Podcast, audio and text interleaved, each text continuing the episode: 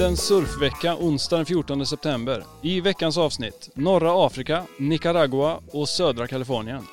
Men vi börjar såklart med en titt på hur surfet har varit här hemma. Förra veckan avslutades ju med en smäll i Östersjön. Jag skickade ut mig själv på fältet för att ta pulsen på de skånska vågorna och resultatet blev väl sådär. Sällan, eller för att inte säga aldrig, har jag lyckats välja så fel tillfälle för surf. Visst, ingen surfdag är en dålig surfdag, men en annan surfdag var garanterat bättre den här gången, om ni hänger med.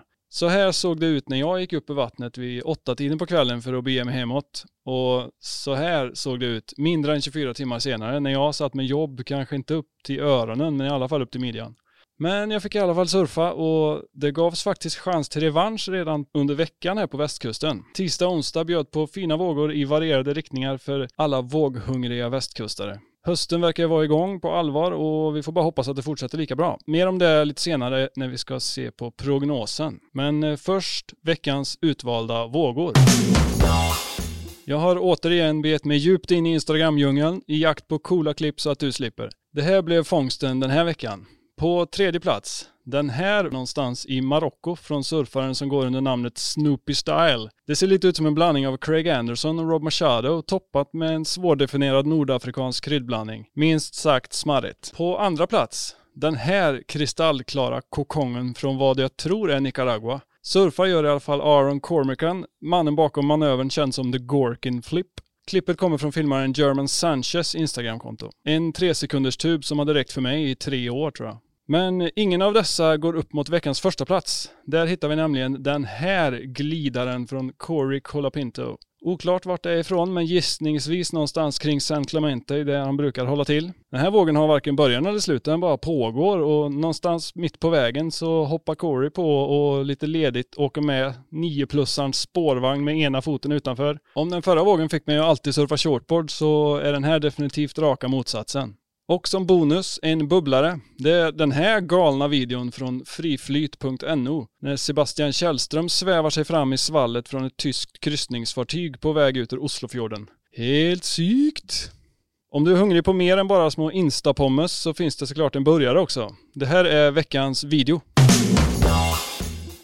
Filmen som jag vill tipsa om den här veckan kommer från Tom DeSouza via den klassiska Tracks Magazine i Australien. Titeln säger ju egentligen det mesta. Solo Surfing Remote Australia heter filmen, som inte är helt ny men jag tycker den förtjänar mer än sina 6000 visningar. Utrustad med en bara gammal singlefin, flickvän, hund, jeep och fyrhjulsdrift ger sig DeSouza långt bort från huvudvägen i jakt på ensamsurf. På bara 10 minuter gör han ett väldigt bra jobb att fånga känslan av skräckblandad förtjusning man har varje gång man ska surfa ett nytt ställe själv. Filmen består av tomma stränder och tomma högrar och antagligen fullt av hajar.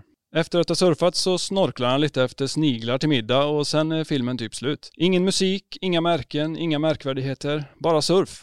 Se den på Tracks YouTube-kanal eller via länken här nedanför. Okej, jag ska ta en liten bensträckare och under tiden får ni lyssna till surfprofessorn igen som på nytt ska ge er veckans visdomsord. Varsågod David.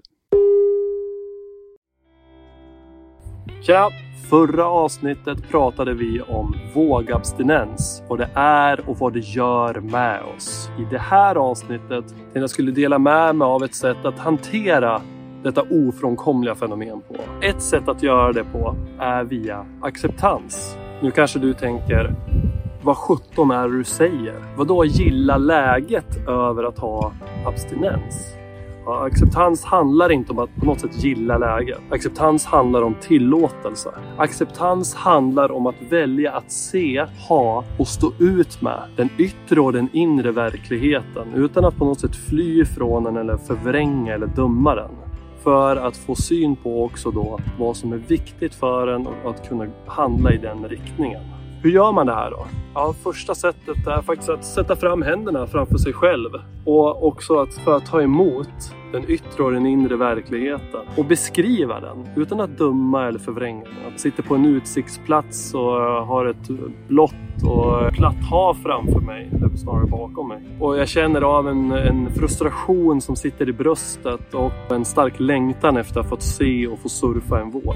Det är att beskriva utan att döma eller förvränga det. Och det tredje steget är att ta emot det här som du har uppmärksammat. Det är okej okay att känna den här frustrationen.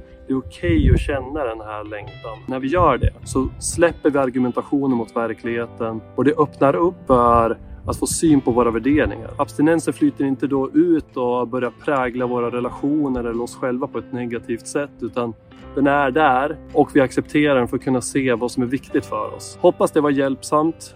Stort lycka till med det. Och eh, något som jag tycker är roligt att göra, det är att spela munspel.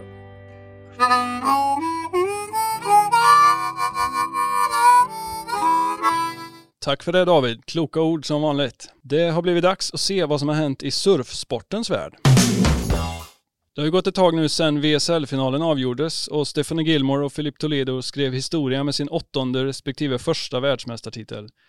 Men jag tänkte ändå gå igenom hiten och se hur rätt jag hade i mitt tips, eller hur fel jag hade kanske man ska säga. Som väntat slog Stephanie Gilmore ut Brissa Hennessy i första hitet, men hon väntade tills det var mindre än en minut kvar innan hon skaffade sig poängen som behövdes. Men eh, ett rätt till mig i alla fall. Steff hamnade sen i underläge igen i andra hitet mot Weston Webb, men eh, fick till slut ordning på utrustningen och tajmingen och gick vidare från ett tight heat. Två poäng till mig. Sista hindret innan finalfinalen, Joanne DeFay, hamnade i Gilmores kombinationslås tidigt i heatet och lyckades aldrig hitta de där två vågorna hon behövde medan Steff fortsatte gräva sig närmare och närmare guldet med sin Darren Handley-hacka. Här slutade också min talang för tips tydligen. När Steff hade fått upp farten tänkte hon såklart inte låta ens Gnurry Samore stå i vägen. Gilmore hittade bäst vågor i två raka set och tog därmed sin åttonde världsmästartitel.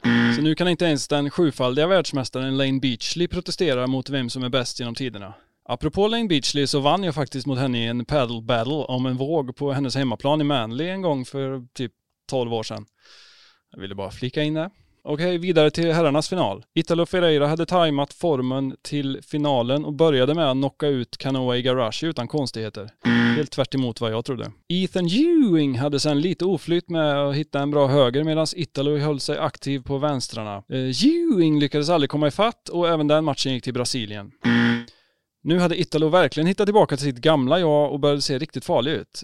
Jack Attack å andra sidan var sämst när det gällde som mest och såg nästan osynlig ut emellanåt. Finalfinalen stod sen lite otippat mellan Italo och Filip. Vågorna blev lite stökiga lagom till start men det verkar inte störa någon av finalisterna. Italo fortsatte att lurka på vänstern och mata svängar till stranden medan Philips surfade snärtigt med elektrisk energi på högern och tog eh, första set med lite marginal. Italo gjorde sitt bästa i andra set men hans högsta nivå var för låg i år för att besegra Toledo.